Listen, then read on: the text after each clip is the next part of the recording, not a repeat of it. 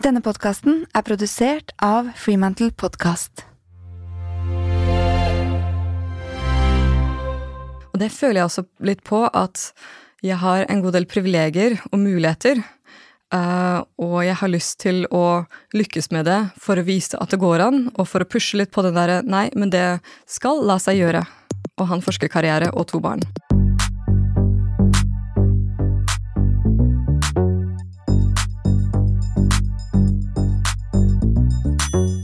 Elisabeth Müller er forsker og har jobbet to år i Japan under en professor med nobelpris i medisin. Og av mange forskjellige grunner så er det ganske krevende å være forsker og ha familie. Og jeg lurer derfor på hvorfor det er så viktig for Elisabeth å få til denne kombinasjonen, og hva de gjør spesifikt hjemme for at det skal gå rundt. Jeg er også veldig nysgjerrig på hva de faktisk lærte av årene i Japan, der pappaen jo var hjemmeværende. Og ikke minst om vi kan lære noe av japanerne når det kommer til balanse mellom jobb og familie. Dette er Mamma jobber, og jeg er Mira Khan. Velkommen, Elisabeth. Tusen takk. Så hyggelig å ha deg her i studio i dag. Ja, jeg er veldig, det er veldig gøy å være her også. Ja. Eh, hvordan har dagen vært så far, før du kom hit? Eh, det var en sånn eh, eh, ja, berg-og-dal-bane. Den starta litt, litt trått, for å si det sånn. Jeg har fortsatt små barn, så jeg fikk ikke så veldig mange timer søvn i, i, og måtte stå opp relativt trøtt i dag morges. Og barnehagelevering og skolehent og levering, det kom litt brust på. Martin, mannen min måtte litt tidligere på jobb, så jeg måtte ta over det. Så da ble jeg forsinket til det jeg egentlig skulle eh, på morgenskvisten. Og så mista jeg attpåtil en til T-bane, så jeg merket nei. jeg ble en halv time forsinket til der jeg egentlig skulle være. Og så skrev jeg noe e-mail med de jeg skulle eh, treffe, og nei, det viste seg at de hadde fått ordnet og gjort ferdig alt det som egentlig trengtes, og jeg trengte ikke å komme dit engang. Så hadde jeg plutselig tre timer ekstra fri på formiddagen før jeg skulle hit. Så da, ja, jeg har eh, gjort e-mails og tatt en kaffekopp og slappet av og lest en bok. Så nå er alt meget bedre. Ja, Det var jo virkelig en berg-og-dal-bane-morgen. Ja. Hvordan, hvordan blir du inni deg eller liksom når du står i den situasjonen eh, med barna om morgenen og må ta over og får dårlig tid og sånn? Jeg har kommet dit til at jeg unner meg selv bedre enn å bli stressa. Ja. Så jeg har på en måte liksom skrudd av den. Ok, jeg rakk ikke den T-banen, jeg rekker ikke neste. Det, ja, det går som det går, men det var ingen krise i dag. Det var ikke noe som brant, virkelig. Så da får det gå som det går. Ja. Og ja, så har jeg kommet dit til at jeg da unner meg faktisk å gjøre noe som gjør meg litt bedre til sinns etterpå, når det er slike dager. Ja, ja, for da gjør du det når du liksom har vært Ja, dårlig. Da gjør ja. du noe som veier opp Ja. for det. Hvertfall, altså jeg, jeg prøver det, Ja. og har det som mål å liksom unne meg selv uten noe dårlig samvittighet for ok, da ble jeg ikke så produktiv, jeg kunne ha dratt på kontoret jobbet hardt i to timer i stedet. Ja, men jeg uh, fungerer faktisk bedre hvis jeg kommer litt ovenpå i stedet. Hvor, hvordan kom du, har du kommet til den erkjennelsen? Hvordan har du lært det? Eh, ja, seks, snart sju år med mammajobben. uh, jeg syns Instagram og en del altså influensere der har liksom åpnet en ny verden til andre impulser. Uh, med psykologi, uh, feminisme, sterke damer som som sier rett ut at nei, du trenger ikke ha dårlig samvittighet for å gjøre noe bra for deg sjøl også. Det trenger ikke engang bare være fordi å, da er du en bedre mamma etterpå. Det kan også bare være kun for deg selv, for at du skal ha det bedre. Altså, Det var utrolig hyggelig å høre noe positivt som kommer ut av sosiale medier. Fordi det er langt mellom de eh, dalene. Ja, absolutt. Men jeg har Hva er det du følger for noe, da, som gir deg disse positive en haug av knallbra damer. Eh, jeg har ikke alle navnene i huet. Da må jeg vise deg eh, streamen min etterpå. Men Det må vi ta bilde av og legge ut i en liten story. Ja. Det er bra. Tror jeg mange andre som trenger også. Ja. Men du, eh, fortell litt om deg selv. Du, nå har vi jo fått med oss at du har eh, i hvert fall ett barnehagebarn og ett skolebarn. det stemmer. Alder Tre og snart sju. tre og snart sju. Og så bor du sammen med en mann. Ja. Eh, hvor bor dere? Vi bor på østkanten, på Lindeberg Ja. i Oslo. Uh, har bodd der uh, en god stund nå. Uh, Så er du forsker på kreft. kreft. Da blir veldig, folk veldig interessert i og veldig ivrige å høre etter hva jeg, hva jeg jobber med. Ja. Og så er det alltid en utfordring å forklare det, ja. sånn at folk følger med og f- forstår. Ok, men sånn helt kort heis elevator pitch. Hva gjør du? Jeg jobber innenfor kreftforskning som går på nymotens immunterapi, hvor vi jobber med å forstå hvordan immunsystemet gjenkjenner og kan bekjempe kreft. Og utvikle medisiner sånn at det fungerer enda bedre. Og det er så spennende. Altså, eh, jeg eh, Datteren min fikk en sånn Newton-bok i posten, for hun sendte inn til NRK Newton, og så fikk hun det i premie. Og der har vi begynt å lese om celler og eh, alle disse tingene. Ja. Jeg blir så stresset av å lese om det, fordi det er så komplisert Ja. og intrikat at jeg tenker sånn at den kroppen min går rundt, er jo fader meg et mirakel i seg sjæl. Ja, nei, Hvordan det hele henger sammen, det er helt utrolig. Ja, det er magisk. Ja. Uh, jeg tar av meg hatten Ja, for det takk, du driver med. og nå jobber du jo i Norge, men så har du jo vært to år i Japan. Ja. Og uh, jeg syns jo det er veldig spennende i den, dette mamma-universet Mm. når folk har vært utenfor eh, vårt land og Ja. jobbet som jobbende mammaer. Fordi man får jo noen perspektiver. Helt klart. Eh, Og eh, så kommer man tilbake og liksom, ja, ser dette mot hverandre. Mm. Så jeg har veldig lyst til at vi skal snakke litt om det. Men eh, før vi går dit, så må jeg bare høre for å liksom skjønne. Hvordan ser en vanlig jobbhverdag ut eh, nå her i Norge? Når starter du på jobben, og hva er typisk ting du gjør? Ja. Um, jobbdagen er fleksibel, fordi det er en av de store fordelene med å være forsker. Uh, du har ingen sjef som bestemmer at du skal være på kontoret da og da. Du bestemmer selv, og jeg planlegger min hverdag, arbeidshverdag, helt, uh, ja, helt selv. Uh, så den skifter veldig mellom å ha papirarbeid på PC-jobb, møter, og så labarbeidet. Um, og labarbeid Jeg jobber uh, ikke med mennesker, på en måte, med, med forsøk på mennesker, men selvfølgelig på uh, mus. Jeg jobber uh, nede i kjelleren på Rikshospitalet. Uh, der har vi mus. eller på cellelaben, hvor vi har altså, plastikkflasker med celler og, som gror, og forskjellige analyseinstrumenter. Men er det da på en måte en naturlig arbeidsflyt i når du gjør hva? Fordi selv om du har fleksibilitet, så har du jo mål og ting du skal levere på, og altså, man vet jo ikke alltid hvor lang tid ting tar. Nei, så det er på en måte utfordringen. I øyeblikket så uh, har jeg liksom avsluttet en del forsøk som jeg gjorde i Japan, og jobber nå med å få ting publisert ut i vitenskapelige tidsskrifter. Så nå er det mye analyse av dataer på PC-en, skriving, uh, forberedelse av presentasjoner, jeg skal holde på møter. Så nå er det veldig sånn avslappet kontorarbeid som jeg kan planlegge. Ok, nå jobber jeg to timer med det, så jobber jeg en time med det. Jeg jobber en del eh, hjemmekontor. Så det er den vel, sånn veldig enkle, strukturerte, hvor jeg kan eh, hente i barnehagen klokka fire. Eh, Men når jeg har forsøk, typisk da med dyremodeller med mus, det kan ofte ta da tolv timer en arbeidsdag. Ja, ikke sant? For du kan Eh, ikke hvor jeg da ikke vet at ok, det er ferdig klokka da og da. Nei, jeg må bare gjøre det ferdig. Uansett om det blir klokka åtte på kveld eller om det blir klokka ti. Det har ingen sluttidspunkt på at jeg må få gjort det ferdig. Ellers er ting bortkastet, og, og det er veldig, veldig trist. Men hvordan organiserer du hverdagen da, når du har de periodene? Da eh, må jeg planlegge at da tar mannen min eh, hus og hjem og barn Ja. og alt. Men i de periodene, hvis han er syk, eller hvis han ikke er der, eller Da sliter vi. Ja. Ja. Um, så enten så har man da en nødløsning, noen som kan steppe inn og hjelpe til, eller så må man Uh, avbryte. Det har jeg også hatt. At ok, nei, det forsøket, den analysen får jeg ikke gjort, fordi mannen min er dårlig, og jeg må passe barna. Og det er uh, Ja.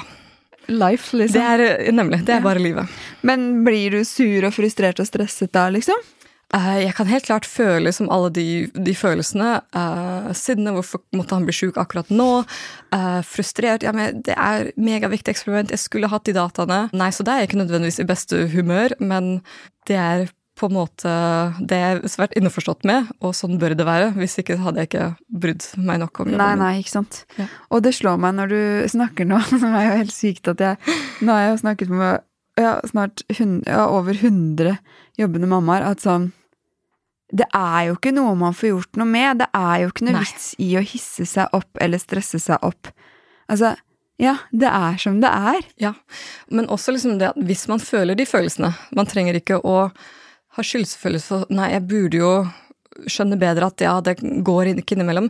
Hvis man blir sur og lei for det, så må man få lov til å, å føle på det. Syns jeg er helt innafor. Ja. Altså, det viser at man bryr seg. Men nei, man får ikke gjort noe. Nei, nei, sykdom kommer, sykdom går. Ja, heldigvis. det. Ja.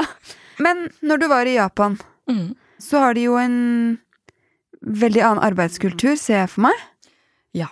Hvordan, hva er det som skiller de mest Altså, å være jobbende eh, kvinne med barn i Japan og Norge, hva er de største hovedforskjellene? Hovedforskjellen er det er unntaket i Japan. Ja, så du jobber ikke og har barn i Japan? Nei.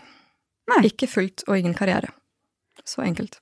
Shit, det har jeg faktisk ikke visst. Nei, og jeg var ikke klar over at det var så ille før jeg dro. Jeg visste at det er store forskjeller. Japan er på langt nær så likestilt som Norge. Hallo, hvilke andre land i verden er det? Mm. det var jeg klar over. Men hvor hvor natt og dag det er i forhold, det var jeg ikke klar over. Fordi det er som på min bestemors tid. Så da må du velge da, om du vil bli mamma eller ha en Ja. karriere. Og det er jo et av deres hovedsamfunnsproblem nå, er at uh, veldig, veldig mange damer velger nei, men da får jeg ikke barn. Og jeg må si at hadde jeg vært født og oppvokst der, så tror jeg den største sannsynlighet for at jeg ikke hadde hatt barn. Ja, fordi du hadde villet gjøre jobben din. Jeg hadde ikke sett det som på en måte et valg jeg helt kunne leve med, å velge bort meg selv og alt det jeg brenner for og ønsker å jobbe med. Eh, Det hadde vært et veldig, veldig tøft valg, og antagelig hvis jeg skulle gjort det når jeg var 20, så hadde jeg ikke valgt å få barn. Og, og liksom å få rart, den liksom opplevelsen Oi, shit, eh, livet mitt hadde sett veldig annerledes ut hvis jeg hadde vært født her. Det, det, ja, det var sterkere enn jeg trodde. Ja, det er veldig rart å tenke på. Da hadde livet vært helt, helt annerledes. Ja. Og for veldig mange damer der, så er det det. Er det noen menn som velger å bli hjemme så damene kan jobbe og få barn? Nei. Nei. Nei. Nei. Nei, det gjør man ikke. Nei, det gjør man ikke. Nei. Så min mann var jo. Nei. Min mann var jo hjemmeværende husfar Ja. de to årene vi bodde der. Hvordan ble det tatt imot da, av, av andre der? Nei, de var jo ganske perplekse. Um, og i barnehagen der vi hadde barna, så var det jo alle mødrene som hentet, selvfølgelig, og så var det Martin, mannen min. Og så var det vel en annen utenlandsk far, en australsk far, som også hentet i barnehagen, Ja. og det var det. Shit, de må jo tro dere var helt gærne. Vet du at å spare på konto historisk sett gir mindre avkastning enn å investere i aksjer eller fond? Eller at bare 18% av det samlede aksjeutbyttet blant nordmenn i dag går til kvinner? Altså, det går jo ikke an. Eh, vi må bli med å investere, vi også. Både for oss selv og for barna våre. Eh, og det kan jo være litt sånn enklere sagt enn gjort, fordi å begynne å investere kan virke maks gresk og komplisert. Men heldigvis så har annonsøren min Dagens Næringsliv tatt tak i det her, for med tjenesten DN Investor så får du de viktigste tallene og journalistikken om markedet samlet på ett sted, og presentert på en god måte, sånn at du enkelt kan følge med og forstå utviklingen når du skal investere. Og du trenger overhodet ikke være proff for å bruke DN Investor. Den er laget så den er enkel å forstå for alle. Så du kan rett og slett lære alt fra hvordan du kjøper aksjer og fond, til hvordan du lager din egen investeringsstrategi, hvis du vil ha det. DN Investor er åpen for alle, men er du DN-abonnent, så får du også tilgang til kurs i sanntid, børskommentarer og analyser. Så jeg tenker alle sammen at eh, det fins ingen unnskyldning mer. Gå inn på dn.no slash investor, og bare kom i gang med å investere i aksjer eller fond. Gjør det den helgen her, og start med 200 kroner. Det er ikke farlig. Litt er bedre enn ingenting. Bare gjør det. dn.no slash investor. Hvordan håndterer eh, japanere stress og balanse mellom jobb og fritid og sånne ting? Er det annerledes enn i Norge? Svært. Um, ja, fordi det er en kollektiv kultur på en annen måte enn det vi kjenner til. Ja. Så alle de begrepene som vi på en måte jobber mot, at ja, man må kunne liksom velge fritt selv hva man ønsker å gjøre med livet sitt, eh, og mammapoliti er liksom samfunnets påvirkning til hva man, hva man bør gjøre, hva som, eh, hva som ter seg å gjøre i samfunnet, det er svært, svært sterkt i Japan. Så der så får man fortalt, på en måte påvirket fra samfunnet, hvordan man uh, vokser opp, at en kvinne, en mor, har de og de rollene, en mann, en far, har de og de rollene, og sånn er det. Og det mangler liksom de kritiske spørsmålene, diskusjonen om det. Det var ingen markering av 8. mars, kvinnedagen i Japan. Det fantes ikke. Det var ingen diskusjon om de temaene vi er vant til å diskutere. Men de er jo på sosiale medier. De må jo se at Ja, så også der når det kommer til liksom å ta vare på seg selv, uh, ha en balanse der Nei, der jobber man for uh, bedriftens uh, beste, og det er viktigere enn din egen personlige fritid og hobbyer og, og ja, ja. og velvære. Men, men, men, blir de ikke syke, da? Jo, de gjør jo det. Og de har jo den høyeste selvmordsstatistikken eller, jeg, jeg, kan ikke tallene der Nei, konkret, men, den er jo men det er et skyet. betydelig problem. Ja. Veldig, veldig annerledes. Tenk å ikke liksom eh, kunne ha seg selv og en karriere. Du må liksom Du må bli helt liksom bare mamma. Du er bare mamma. I hvert fall de første årene når barna er små. Det er det som er forventningen. Men da har du jo gått ut av arbeidslivet i tre, fire, seks år. Ja, Så du kommer jo ikke inn igjen. Nei, ikke på samme måte. Men han du jobbet med, eh, eller som var veilederen din i Japan, mm. han er jo ikke en hvem som helst. Nei. Um, han er professor uh, Tasuko Honjo, som vant uh, Nobelsprisen i medisin i 2018. Hvordan, hvordan, var det å jobbe med han? Altså, han forventet jo sikkert at du jobbet ekstremt lange dager. Eh, fikk du vært liksom noe hjemme? Jeg var i en privilegert situasjon der, på den måten at jeg hadde søkt om midler fra Forskningsrådet her i Norge. Så jeg var ansatt ved Oslo universitetssykehus i Norge, mm. med lønn fra Norge, og mine egne midler. Så jeg kom der på en måte eh, som en ekstra ressurs dems, eh, fra deres perspektiv og bestemte egentlig min egen jobbhverdag der på samme måte som jeg hadde gjort i Norge. For hvis ikke, så hadde du ikke sett barna dine så mye de årene? Nei. nei. Da hadde det vært forventet at du var ja. på jobb type ti timer, eller Og det var også noe jeg Det var et aktivt valg. Um, det var noen stipender og altså, muligheter til å søke om midler som hadde vært fra Japan. Um, det hadde vært uh, Fordi vi har god lønn i Norge, så hadde det vært dårligere betalt og da avhengig av på en måte um, professorens gunst der i Japan på en helt annen måte. Mm. Um, og det var Ja. Nei, karriere er viktig for meg, men um, det har mannen min jeg prater mye på, det, det, går, det, kan ikke gå på bekostning av uh, min helse eller liksom familielivet, for det er noe jeg har også valgt, og det er mm. ikke noe jeg kan velge bort uh, nå. Så det går ikke. Men uh, følte du på presset om å jobbe mye siden alle de andre jobbet mye? Eller var du igjen bare en sånn utenlandssatellitt som kunne drive med det du ville uten at de liksom um, ja. Nei, det presset jeg følte på, var mer fra min egen side. Om ja. at jeg ønsker å få gjort forsøk, jeg trenger resultater, jeg ønsker å publisere, jeg ønsker å, å lykkes med det prosjektet jeg satte i gang. Um, så arbeidspresset og liksom det kom fra min egen, egen side. Mm, ja, for kan, det er kjipt å komme hjem fra Japan etter to år og så bare Nemlig. Jeg fant ikke noe, jeg. Ja. Så, så der, den var mye sterkere fra, fra min egen del. Hvordan artet det seg, da? Eh, liksom, fikk du høye skuldre og jobbet ekstra, eller? Det arter seg i frustrasjon uh, og tristhet når jeg ikke får jobbet så mye som jeg ønsker. Mm. Uh, fordi det skjer mm. uh, når man har barn og familie. Jeg, kunne, jeg, fikk jobbet vesentlig mindre enn de andre som var barnløse og kunne jobbe til klokken åtte hver kveld. Mm. det ønsket ikke jeg, det, valg, det, valgte jeg ikke, rett og slett. Det, men det er, det er en sånn splittet følelse, fordi i noen tilfeller så skulle jeg ønske jeg kunne hatt hatt det fullt ut uh, og gått all in med, med, å jobbe lengre dager. Ja, så det er en sånn splittet følelse som man ikke lander på. Uh, og det er ingen det er ingen måte å fikse det på. Uh, I hvert fall noen år framover. Så det eneste jeg liksom ser fram til, um, er når barna er blitt større og jeg kan jobbe mer igjen, som jeg ser min mor gjør nå. Ja. Um, så hun forteller meg også at alt må ikke skje på en gang man kan ha forskjellige faser i livet. Uh, hun hadde også karriere som hun skrudde ned i en tid uh, da barna var små, mm. og skrudde opp igjen en god del hakk nå. Uh, og det går helt fint, og det lykkes hun veldig bra med. Så um, Det er så kult å høre de eksemplene. Ja. Men det er bare vanskelig å ha tålmodigheten til det når man er midt i situasjonen og står og føler på presset om at ja, jeg vil være hjemme, og ja, jeg vil være på jobb. Mm. Fordi det er ingen løsning på det akkurat der og da. Nei. Men det kan hende det kommer med tida. Og så er det vanskelig å liksom Man har mange ting man vil, og så er det vanskelig å tenke sånn Ja ja, men det kan jeg jo gjøre om ti år.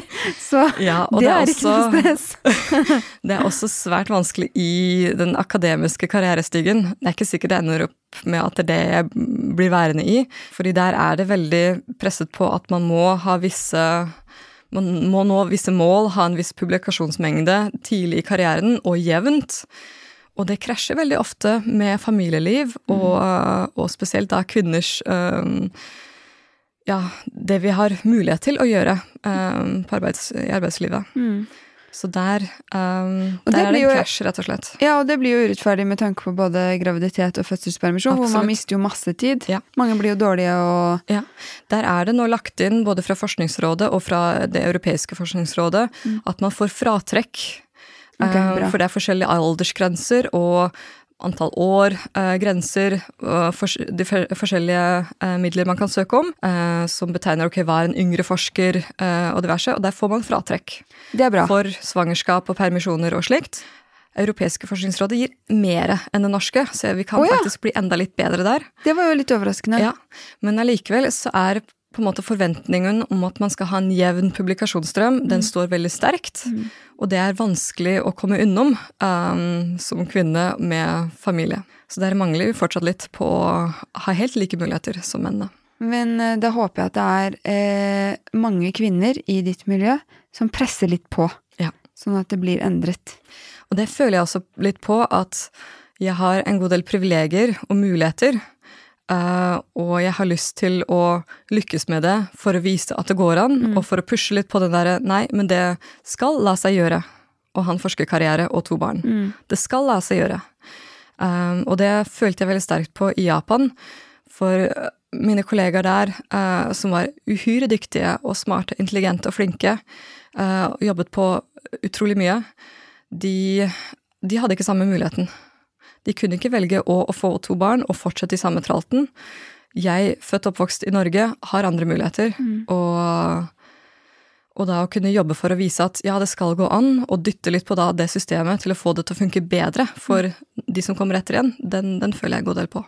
Og det er så fint, hvis, fordi hvis vi alle drar i samme retning, så skjer det jo ting. Det Ja. har jo tiden heldigvis vist. Absolutt. Selv om det er litt tunge tak iblant. Ja, og de siste åra med liksom morsrollen og hva med alt man skal prestere på det, så er det ikke nødvendigvis gått i riktig retning de siste åra. Så ja, der syns jeg mennene rundt oss rett og slett eh, har en jobb å gjøre. Fordi Ja, hvordan da, at vi, skal gjøre, vi som kvinner skal gjøre den jobben og bli flinkere til å stå fram og balansere alt. Nei. eh, vi jobber eh, mer enn dobbelt opp, vi. eh, på hjemmebane og på jobb. Ja, så dere må ta, dere må ta det, liksom. Det syns jeg helt klart. Ja, det er, jo veldig riktig. Sånn opp igjennom, har dere gjort noen, eller tatt noen, hatt noen samtaler, eh, tatt spesifikke vurderinger for at du skal kunne fortsette som forsker? Ja. Fordi det er er jo en krevende jobb. Helt klart. som krever at mannen din egentlig er fleksibel. Ja, det gjorde vi ganske tidlig. Um, det startet helt når jeg drev med utdannelsen min. Um, han har backet fra tidlig om at ja, dette er viktig for deg, dette er du god på, dette skal du få til. Um, og alle ideer, ok, skal jeg søke på den, skal jeg gjøre det? Ja, største heiagjengen som står bak. Og det, så det har helt vært, klart vært viktig. Og også ganske klar avveining om at ja, det er min jobb som er viktigst, faktisk.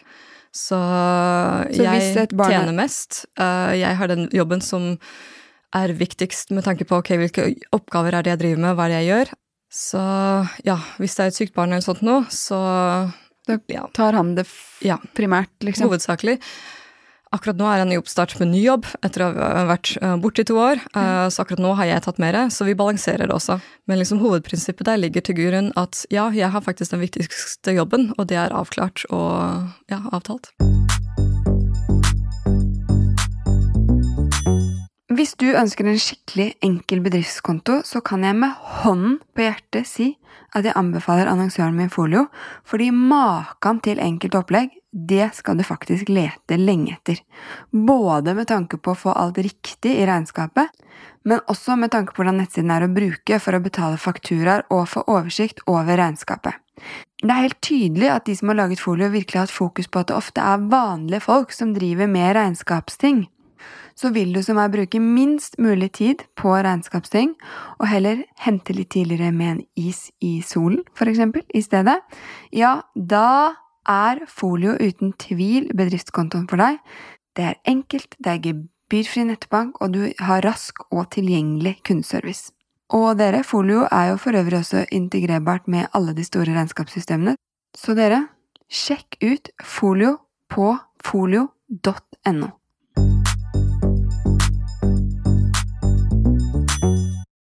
Men uh, hvordan syns han det var å være med å være hjemmeværende far? det er jo en veldig annen rolle. Ja. Um... For da gjorde han alt sånn. Lagde mat og vasket og hentet barn og Ja. kjøpte klær og Ja, ja. alle de tingene. alle de tingene. Um, han, var, han var gira på det, og med på det, um, fordi han ønsket at jeg skulle få den muligheten eh, som det var.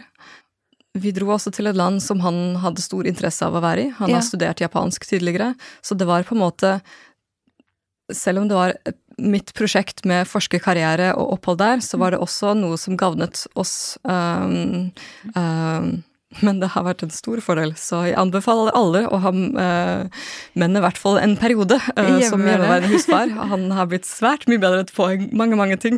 ja. Så ja. Oh, det hadde vært drømmen. veldig veldig positivt. I hvert fall så de får ordentlig følelsen av hvor mye jobb er det med den derre hentinga, matlaginga, matlaginga organiseringa eh, og alt det, liksom det styret rundt. Når jeg bare Ja, jeg har sen dag i dag, jeg kommer hjem klokka åtte. Eh, You figure it out, liksom. nemlig.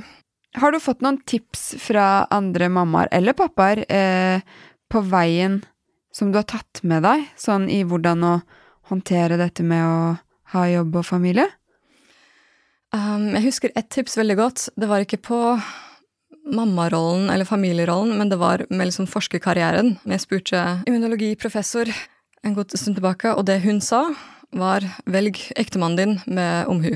Ja. Det hadde jeg allerede valgt, men det klarer jo litt at ja, for å få det til å gå rundt, for å få gjort det du ønsker som kvinne, så er hvis du ønsker familie, så er du faktisk avhengig av å velge en mann som støtter deg og bakker deg på det, og Mm. hjelper til. Uh, så det er, det er noe av det viktigste. Så ja, og nei, det fungerer, fungerer ikke ideelt til alle tider, og noen ting er ikke, er ikke tipp topp og må, må, må jobbes med. Men i hvert fall ha liksom grunnsteinen om at ok, ja, man jobber sammen i et team. Mm. Um, Og jeg er- heier, og jeg heier på også din karriere. Nemlig. Ja. Det er veldig, veldig viktig. Men du, vi må se litt på hverdagen din, hvordan den ser ut i sin Ja. helhet. Eh, og vi gjør en kombo av Ja. Norge og Japan, for det er gøy med kontrastene. Ja. Ok, så når står du opp om morgenen? Vi står opp Mannen min står opp halv sju, og så står jeg opp ca. sju. Og da lager han kaffe og varm kakao til gutta. Ja. Og så sitter vi på sofaen og har en rolig stund og drikker vår, hver vår kopp. Og prøver å våkne. Det er veldig hyggelig start på dagen. Veldig hyggelig start. Var den lik i Japan? Ja, den har vært lik til alle dager, skal jeg si. Halv syv, ja, ikke sant? Det er det, hvis man står opp halv syv, Mm. da får man bedre morgener. Mm. Jeg er jo en notorisk slumrer. Mm. Jeg har på en måte arvet det av mannen min, for jeg var ikke sånn før, men nå har vi vært sammen i 17 år, så nå har jeg blitt sånn. Ødelegger alt. Hver morgen. Ja. Eh, ok, og så eh, går dere i dusjen. Så ordner jeg gutta. Finner frem klær, kler på, skifter bleier, ordner det. Mm. Mannen min eh, lager frokost, Mm. smører matpakker, og så setter vi oss eh, stort sett alle sammen og spiser frokost. Ja. Likt i Japan? Ja. ja. Ok, så fram til nå er eh, det likt. Yep. Og så skal dere ut av døren. Ja. Eh, bytter dere på å følge? I Japan så var det min manns oppgave, Mm. så han tok gutta og leverte um, da i barnehage i Japan. Mm. Eh, før minstemann begynte i barnehage der, så hadde han da han hjem, minstemann hjemmeværende med seg. Med seg. Uh, nå er det også stort sett min mann som leverer uh, i barnehage og til skole Mm. på morgenen, og jeg stikker rett på jobb. Eller blir værende på hjemmekontor.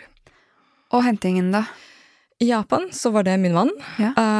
Der stengte barnehagen halv to. Hæ? Halv to? Ja. ja, selvfølgelig, fordi ingen er på jobb. Nei, det er hjemmeværende husmødre og én far. Ja. Ja. Så jeg fortsatte på jobb. Han hentet i barnehagen eh, halv to. Han hadde lange ettermiddager, da.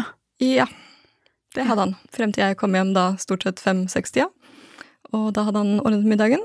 Mens eh, nå så er det jeg som henter i barnehage og ordner middag og slik, til han eh, kommer hjem fra jobb i fem-halv seks-tida.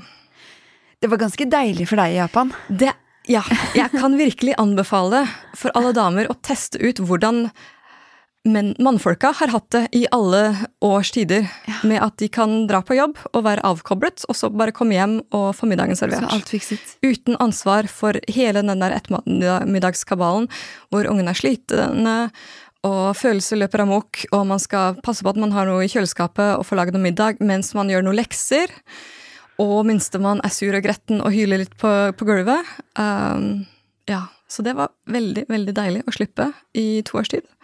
Men nå er det tilbake til realitetene. Du bare, ah, men Det er nesten litt vondt å ha opplevd hvordan det var uten, fordi du vet hvor digg det var. da. Det minner meg i hvert fall på at så godt det kan la seg gjøre, så bør begge parter få oppleve det. Som man må kunne dele på, fordi det er ikke rettferdig. Slik uh, verden er bygget opp. Men er, du, men er du sånn eh, når du er ferdig på jobb, løper du hjem? Eller er du sånn, for jeg husker eh, Jeg husker ikke hvem som sa det, men det var en eller annen som sa at det er veldig lurt å bruke de der mellomfasene til å liksom ha transition-perioder og Sånn at man ikke For hvis man løper fra jobb til barnehagen, eller fra Ja, fra jobb til barnehagen, så er man liksom Man har ikke landa inn i hodet. Jeg husker jeg gjorde det uh, med førstemann som førstegangsmamma og sånt. Uh, haste hjem fra barnehagen og skulle gjerne hente så fort som mulig og slik. Um, I Japan så hadde jeg en sånn herlig 15 minutter sykkeltur hjem fra jobb, uh, hvor ofte liksom alle mulige geniale ideer kom, da etter jeg egentlig var ferdig med på jobben, men hvor bare huet kunne surre fritt. Det var skikkelig deilig. Um, nå har jeg en sånn tre kvarter på T-bane og ruslegang hjem, så jeg får en god pause derimellom. Og nå prøver jeg å gjerne spise litt, drikke litt på den veien, sånn at jeg kommer hjem og har litt overskudd og har liksom ladet opp det der um, tålmodighetsbatteriet litt, fordi det pleier å trengs. Ja, ja, for da er de jo veldig intense når man kommer gjennom døra. De er Det er så lurt å spise. Det har jeg også begynt med nå Ja. siste månedene. At jeg spiser litt før jeg henter. Ja, det gjør alt så my mye bedre. Ja, for når du er sånn, begynner å bli middagssulten selv Det funker ikke. Nei, det er så vondt! Ja. Så alle som ikke har begynt med det, gjør det. Det er kjempelurt. Ja. Og nå haster jeg ikke hjem for å på en måte hente tidlig, fordi jeg øh, lurer på, altså, er bekymret for at de skal ha lange dager. Men nå prøver jeg å hente såpass tidlig at jeg har god nok tid til at førsteklassingen tar evigheter ut døra og får kledd på seg og slik. Ja. Og nok tid til liksom meltdown i barnehagen og alt mulig der. Uh, fordi da har jeg det bedre med, meg selv, Ja. uavhengig av hvor lang dag de hadde i barnehagen. Så klarer jeg å håndtere de tingene bedre. Ja, Så kommer dere bedre inn i ettermiddagen. Mm. Ja, så kommer dere hjem. Da er det middag som Ja. du lager. Eh, og så er det noen lekser oppi der. Ja. Eh, og så legger de seg eh, Ikke sant. Og da jobber du litt, eller så type ser du på TV, svømmer, trener, Mm. ja, gjør sånne ting. Eller de tusen hushold, altså, husholdningsoppgavene som vi mødre eh, og, ja. Det var den, eh, det var den biten der også, ja. ja, Den Ja. kan man ikke unna. Nei. Eh, deler dere ganske likt? Eller hvordan er fordelingen? Har dere liksom faste eh, oppgaver? Ja, det Ja. har vi. Ganske faste oppgaver. Uh, så mannen min har hoved, altså, egentlig hovedansvar for mat og kjøkken. Mm. Jeg har klesvask og klær som min del. Vi prøvde i Japan at han skulle ta det også, det funka ikke. Så du beholdt den? Den beholdt jeg. Ja. Nei, øh, og en del andre ting som jeg gjerne skulle gitt fra meg, Mm. øh, men ikke har lykkes med å, å overføre ansvaret for. Ja, ennå. som for eksempel? Nei, altså husvasken. Mm. Jeg er ikke noe fan av å vaske bad eller støvsuge og slik. Um, men det ender man opp med som den som ser det, eller den som føler mest på det. Og vi som damer er sosialt oppdratt til å føle på det mer, så det kommer jeg ikke unna. Det Ja, det likte jeg at du sa sosialt oppdratt, fordi det er ikke noe biologi. Det er Nei, sosialt det er ikke oppdratt. noe biologi. Nei. vi har ikke støv på hjernen. Nei, det er, øh, det er det samfunnet som har fortalt oss at vi har større ansvar for å sørge for at ting ser ordentlig ut. Så altså, når jeg drar på, på besøk til en venninne eller sånt noe, man unnskylder seg jo alltid for at det er rotete. Jeg har aldri hørt en mann gjøre det. Nei. Og jeg føler alltid på hvis han skal ha venner på besøk, hvis hjemmet ikke Ja. ser liksom bra Ja. ut da. Så vi føler på det. Men det, jeg har heller ikke lyst til å ha, føle skam fordi at jeg føler på det. Eh, sånn er det. Ja. Jeg kan liksom jobbe forsiktig med det uh, i ny og ne og prøve å av, altså bli mer avslappa på det hvis jeg ønsker. Men nei, sånn er det. Vaskehjelp? Nei. Det skulle jeg gjerne hatt. Ja. Så når jeg blir rik en gang, så skal jeg ha det. Helt Ja. klart. Em, så bra. Du, tusen hjertelig takk. Er det noe du em, føler at du ikke har fått sagt, som du gjerne vil si? Um, altså, jeg har vært stor fan av podkasten her og hørt masse, masse bra damer prate. Uh, og det som slår meg, er at jeg skulle ønske vi ikke trengte det. Jeg skulle ønske vi ikke trengte som damer å få liksom oppbakning om hvordan skal vi takle uh, mammajobben uh, i tillegg til en annen jobb. Fordi mm, ja, pappaene prater ikke om det. Det er ingen sånn ekstra utfordring. Hvordan får man det til å gå opp? Uh, så det kjenner jeg på at jeg syns er litt kjipt. Men slik er nå livet, så vi får bare fortsette å støtte og bakke hverandre som mammaer og damer. Og så får vi gi kara et lite spark bakut innimellom når det trengs, ja. sånn at det blir bedre fremover. Jeg er helt enig, jeg skulle også ønske vi ikke trengte det, men eh, realiteten er som den er. Nemlig. Og jeg tror jo faktisk at øh, mange karer også trenger det. Mm. Eh, og jeg vet jo at jeg også har noen mannlige lyttere og pappaer der ute. Absolutt. Men øh, jeg tror nok vi baler mer med ja, sånn kontroll, samvittighet og alle de tingene der på ja. grunn av det tredje skiftet og Og hvis vi skal da ta ansvaret for at ting skal bli bedre også, så vi skal liksom ta hele den kampen om likestilling i tillegg til første, andre og tredje skiftet, mm. uh, det syns jeg ikke vi skal pakke på oss. Uh, der må vi ha med noen flere på laget. Ja, vi må ha med gutta. Og så tenker jeg at um sammen er vi jo sterkere, og mm. at jeg håper jo at alle liksom tenker at det er mange måter å løse det på. Mm. Fins ikke noe fasit. Vi er gode nok Absolutt. som vi er. Og det har vært så spennende å høre på podkasten at mammaer og damer løser ting på alle mulige forskjellige måter, avhengig av hvordan man er som person og hvilke behov man har. Ja, Og det er helt og greit. det syns jeg er kjempeflott. Og så skal vi jo ikke stikke under stol at det er jo ikke lenge siden kvinner ikke jobbet, også i Norge. Nemlig! Nemlig. Så altså, om dette her er vanskelig, om man ikke klarer å få til å gi fra seg tredje skifte ennå, mm. eller om man styrer med dårlig samvittighet hvis man jobber lenge eller jobber borte Altså, nei, det er helt greit. Ja. Det trenger vi ikke ha dårlig samvittighet for, for det er vanskelig fortsatt. Ja, det er en prosess. Ja. Tusen hjertelig takk for at du kom. Takk for at jeg fikk komme. Tusen takk for at du har hørt på Mamma jobber. Husk at du alltid kan sende meg tips til inspirerende mammaer eller mammaer du er nysgjerrig på rundt deg, på DM at mammajobber på Instagram. Hvis du likte episoden og liker podkasten, så blir jeg kjempeglad hvis du rater den, for det har masse å si for podkasten, og ikke minst at du tipser en venn eller en venninne om å lytte til Mammajobber. Vi høres neste uke.